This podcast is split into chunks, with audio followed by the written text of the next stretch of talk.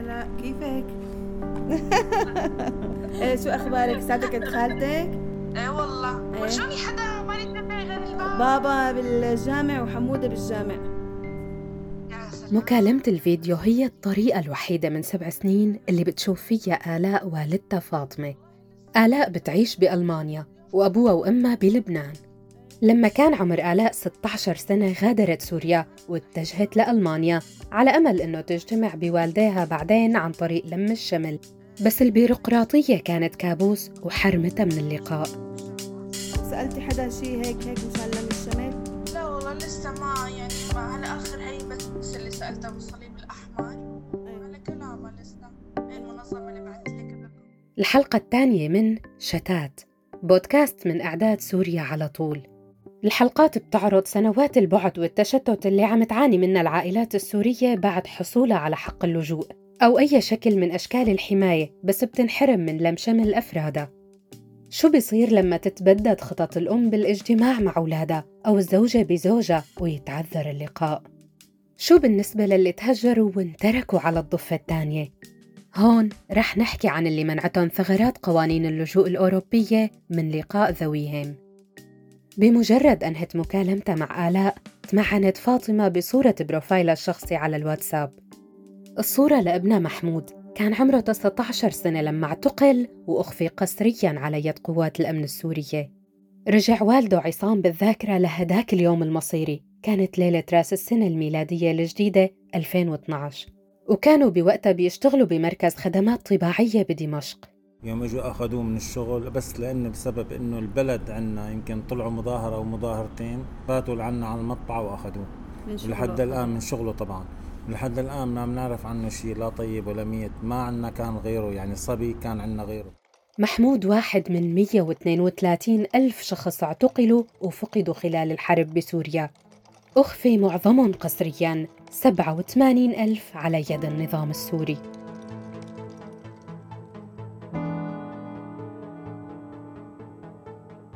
بالإضافة لمحمود في أختين لآلاء كمان غادروا سوريا للأردن مع أزواجهم بعام 2013 وحمودة أخوها الأصغر ما التقت فيه أبداً لأنه ولد بعد رحيلة من سوريا بعدة أشهر. العائلة طلبت منا أنه نعرفهم بأسمائهم الأولى لأسباب أمنية.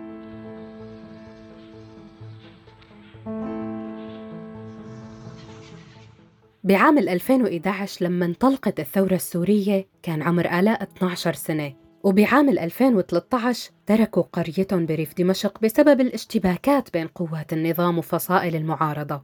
والقصف والضرب حتى لو أنا طلعت من ضيعتي بس أنا بسمع اللي حوالي الضيعة اللي حوالي فيها حرب فيها ضرب رصاص فيها يعني حرب حرب هو ودمار و... وكله كان صعب. بكانون الثاني عام 2014 شافت آلاء وأمها بعيونهم كيف النظام السوري اعتقل وعذب إخوال آلاء وهنن بعداد المفقودين لحد اللحظة مثل محمود. سحبوا أخ فاطمة الأكبر من سيارته وهو عم يسوقها العنصر لأخي يا أخو هيك أقسم بذات الله جنزير هيك تخنه حطه بخوانيق أخي. جيت أنا حطيت إيدي.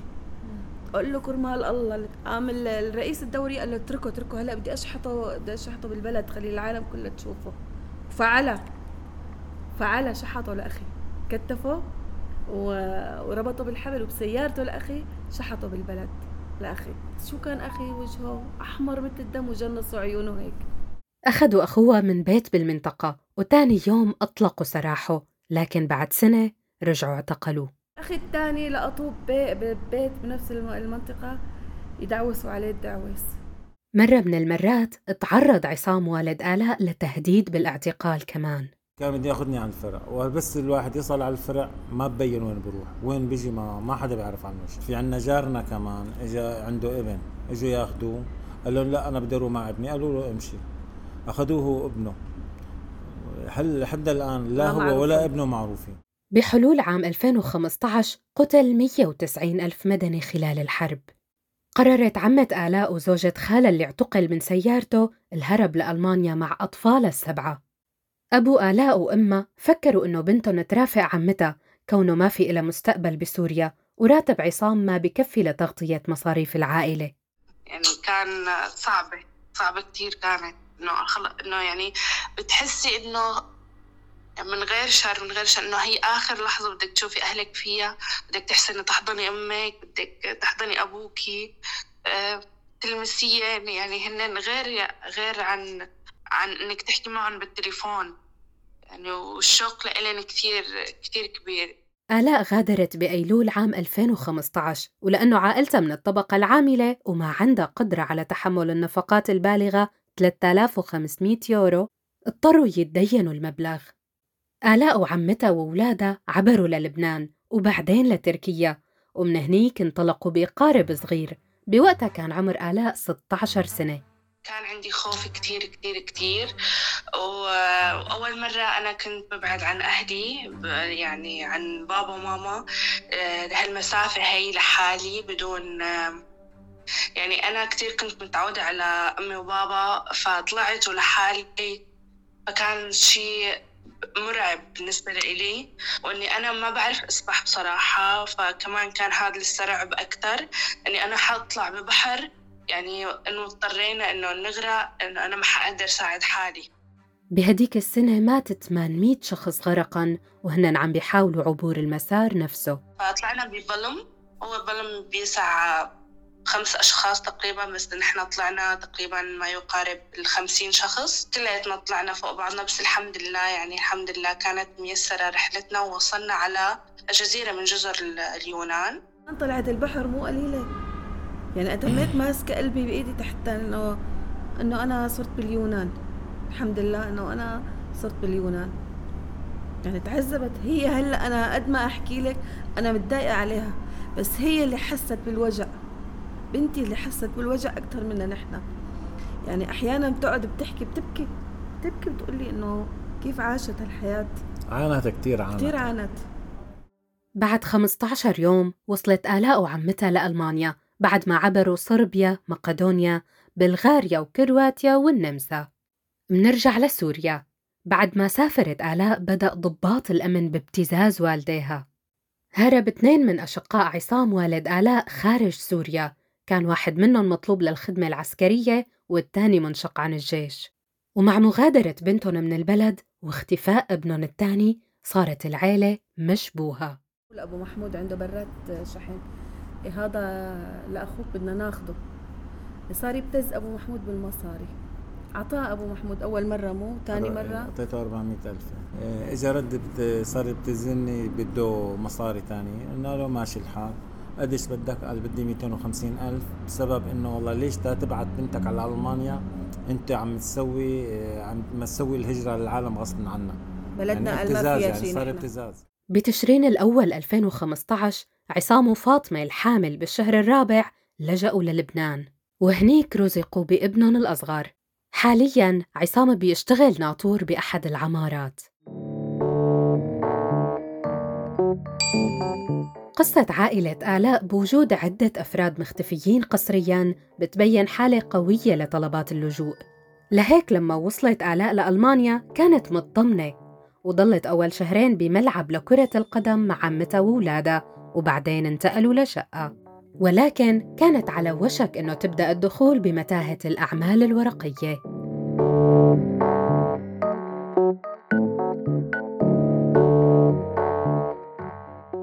كان عمر آلاء 16 سنة وما بتحكي غير اللغة العربية لما قابل ضباط الهجرة الألمان. فأنا أعطيتهم جوازي السفر وحكيت لهم إنه أنا هون يعني هن بيعرفوا شايفين إنه أنا تحت السن القانوني. إذا إني أنا بدي أعمل لم شمل لأهلي. طبعا هذا الكلام كله بوجود مترجم لأنه أنا ما كنت بعرف لا أحكي إنجليزي ولا معي اللغة الألمانية يعني ما بعرف أحكي غير عربي. خبرتهم عن أخوها واعتقال اثنين من أخوالها وبدأت رحلة الانتظار. أنا يعني فيني أقول لك مثل اللي انتسيت يعني أنا نسيوني. الدولة الألمانية نسيتني آه عمتي نسيتني إني أنا موجودة معه ولازم أعمل لها مشمل لازم أعمل وراء. ف بعدين أنا رحت على البلدية آه، قلت لهم يعني أنا يلا بدي محكمة بدي أعمل لها مشمل لأهلي. آه بعدين صار عمري 17 سنة ولحد الآن أنا ما معي ولا أي شيء إثباتي غير ورقة بس إني أنا ساكنة إني أنا أجيت لاجئة على ألمانيا. ما عندي أي شيء مثلا.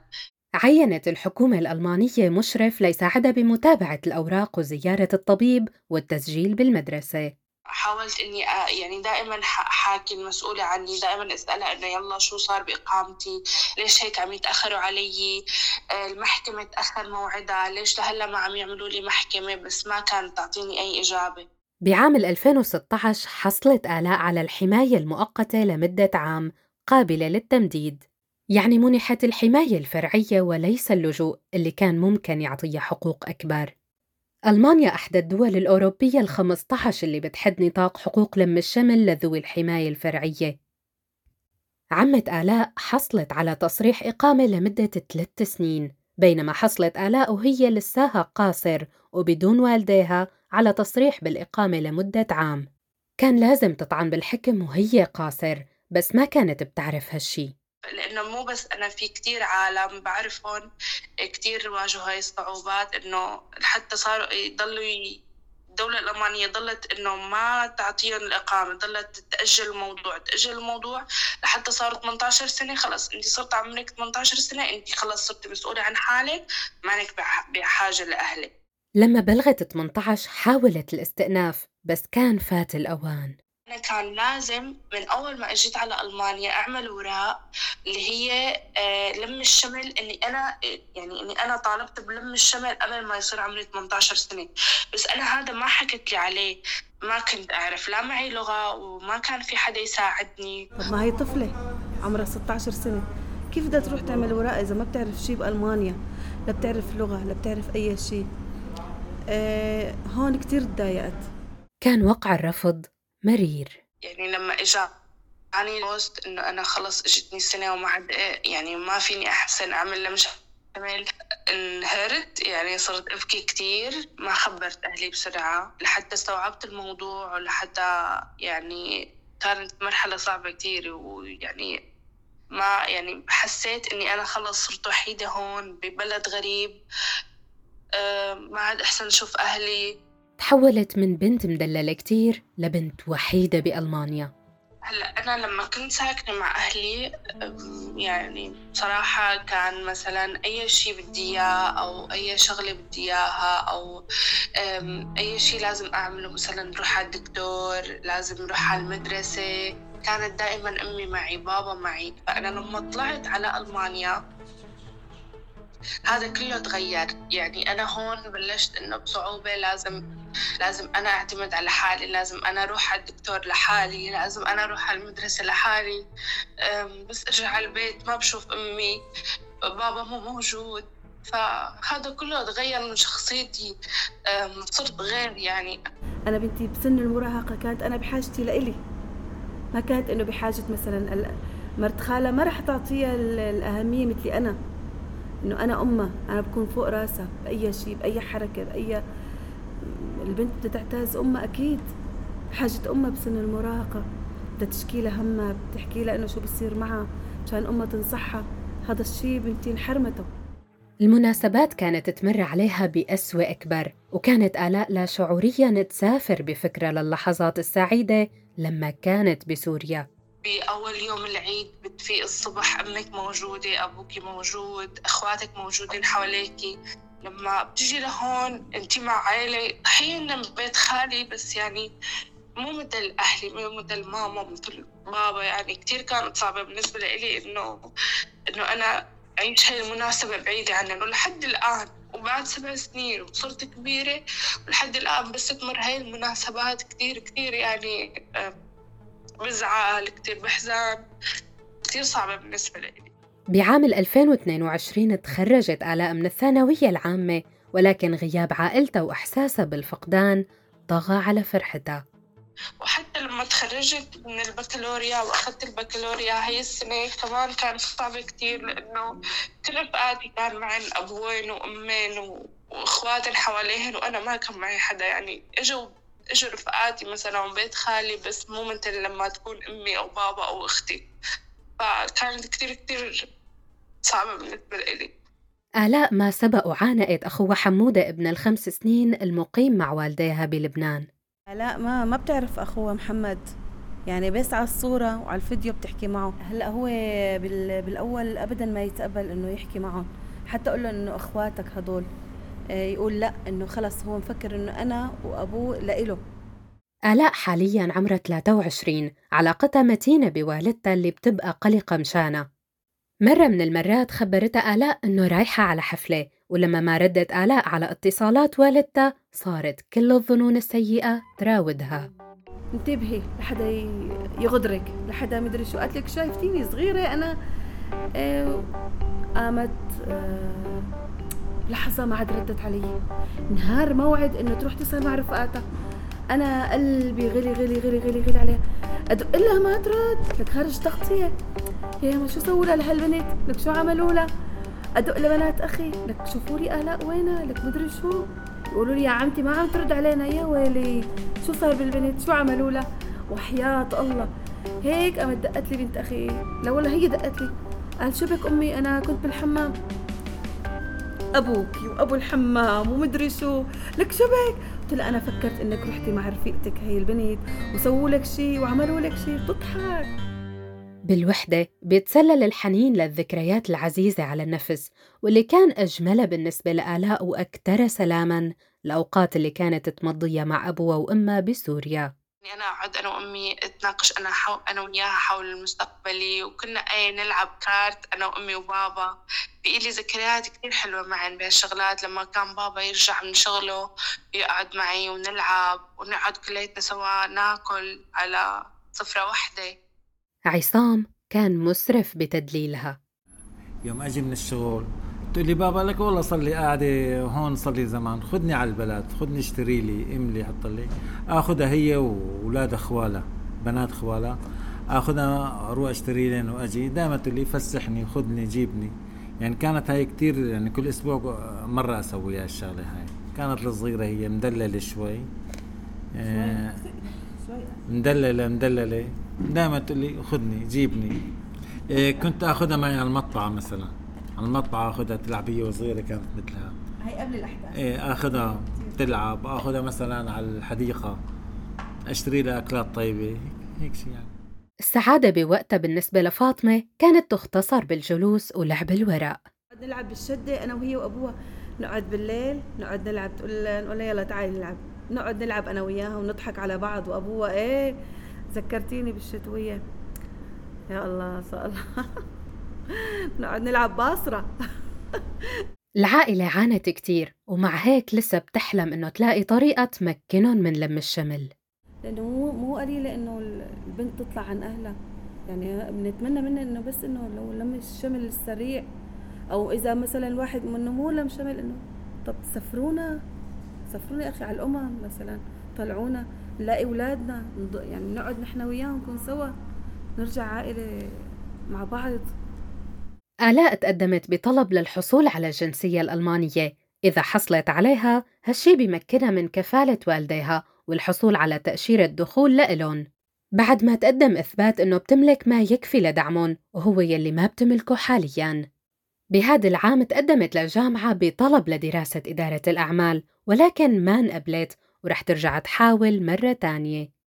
أنا دائما بحلم من أنا وصغيرة إنه يكون عندي ما بعرف بجوز تضحك علي بس أنا بحلم إنه يكون عندي مثلا كافيه صغير إني أنا اللي صممها إني أنا اللي ديرها يكون عندي مشروع صغير إني أنا أكون البوس فيه. ما حدا يكون بوس علي إني أنا اللي يكون يعني مديرة كل شيء.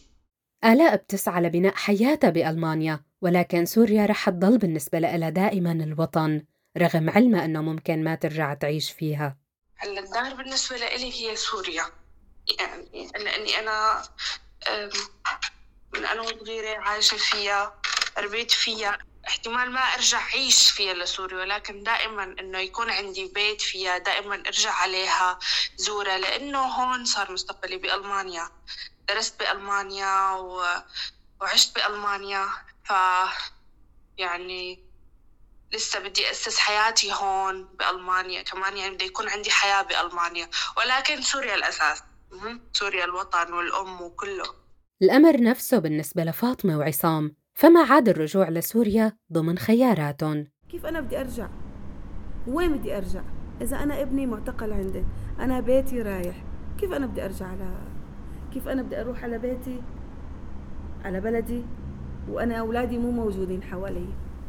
أنا ما بحس سوريا بيت بسبب الوضع كتير صعب. أنا ما ما بحب لا أعيش بلبنان ولا حتى بسوريا كمان. إن الله هيك أكرمنا هيك نطلع يا ريت نطلع نشوف البنت نقعد بألمانيا. حتى مو ألمانيا أي بلد آه، أوروبية يا ريت. بعد عقد من النزوح تقريبا لسه ما بيشعروا بالاستقرار بلبنان. صرنا كمان ننام على أمل نسافر ونقوم على أمل نسافر. انت فتي على البيت لعندي ما بيخليني أبو محمود أظبط شيء فيه. يقول لي شو نحن مطولين؟ طيب ليك أنا شو حاطة برادي لك ليك أنا ما عندي تراريح مثل العالم.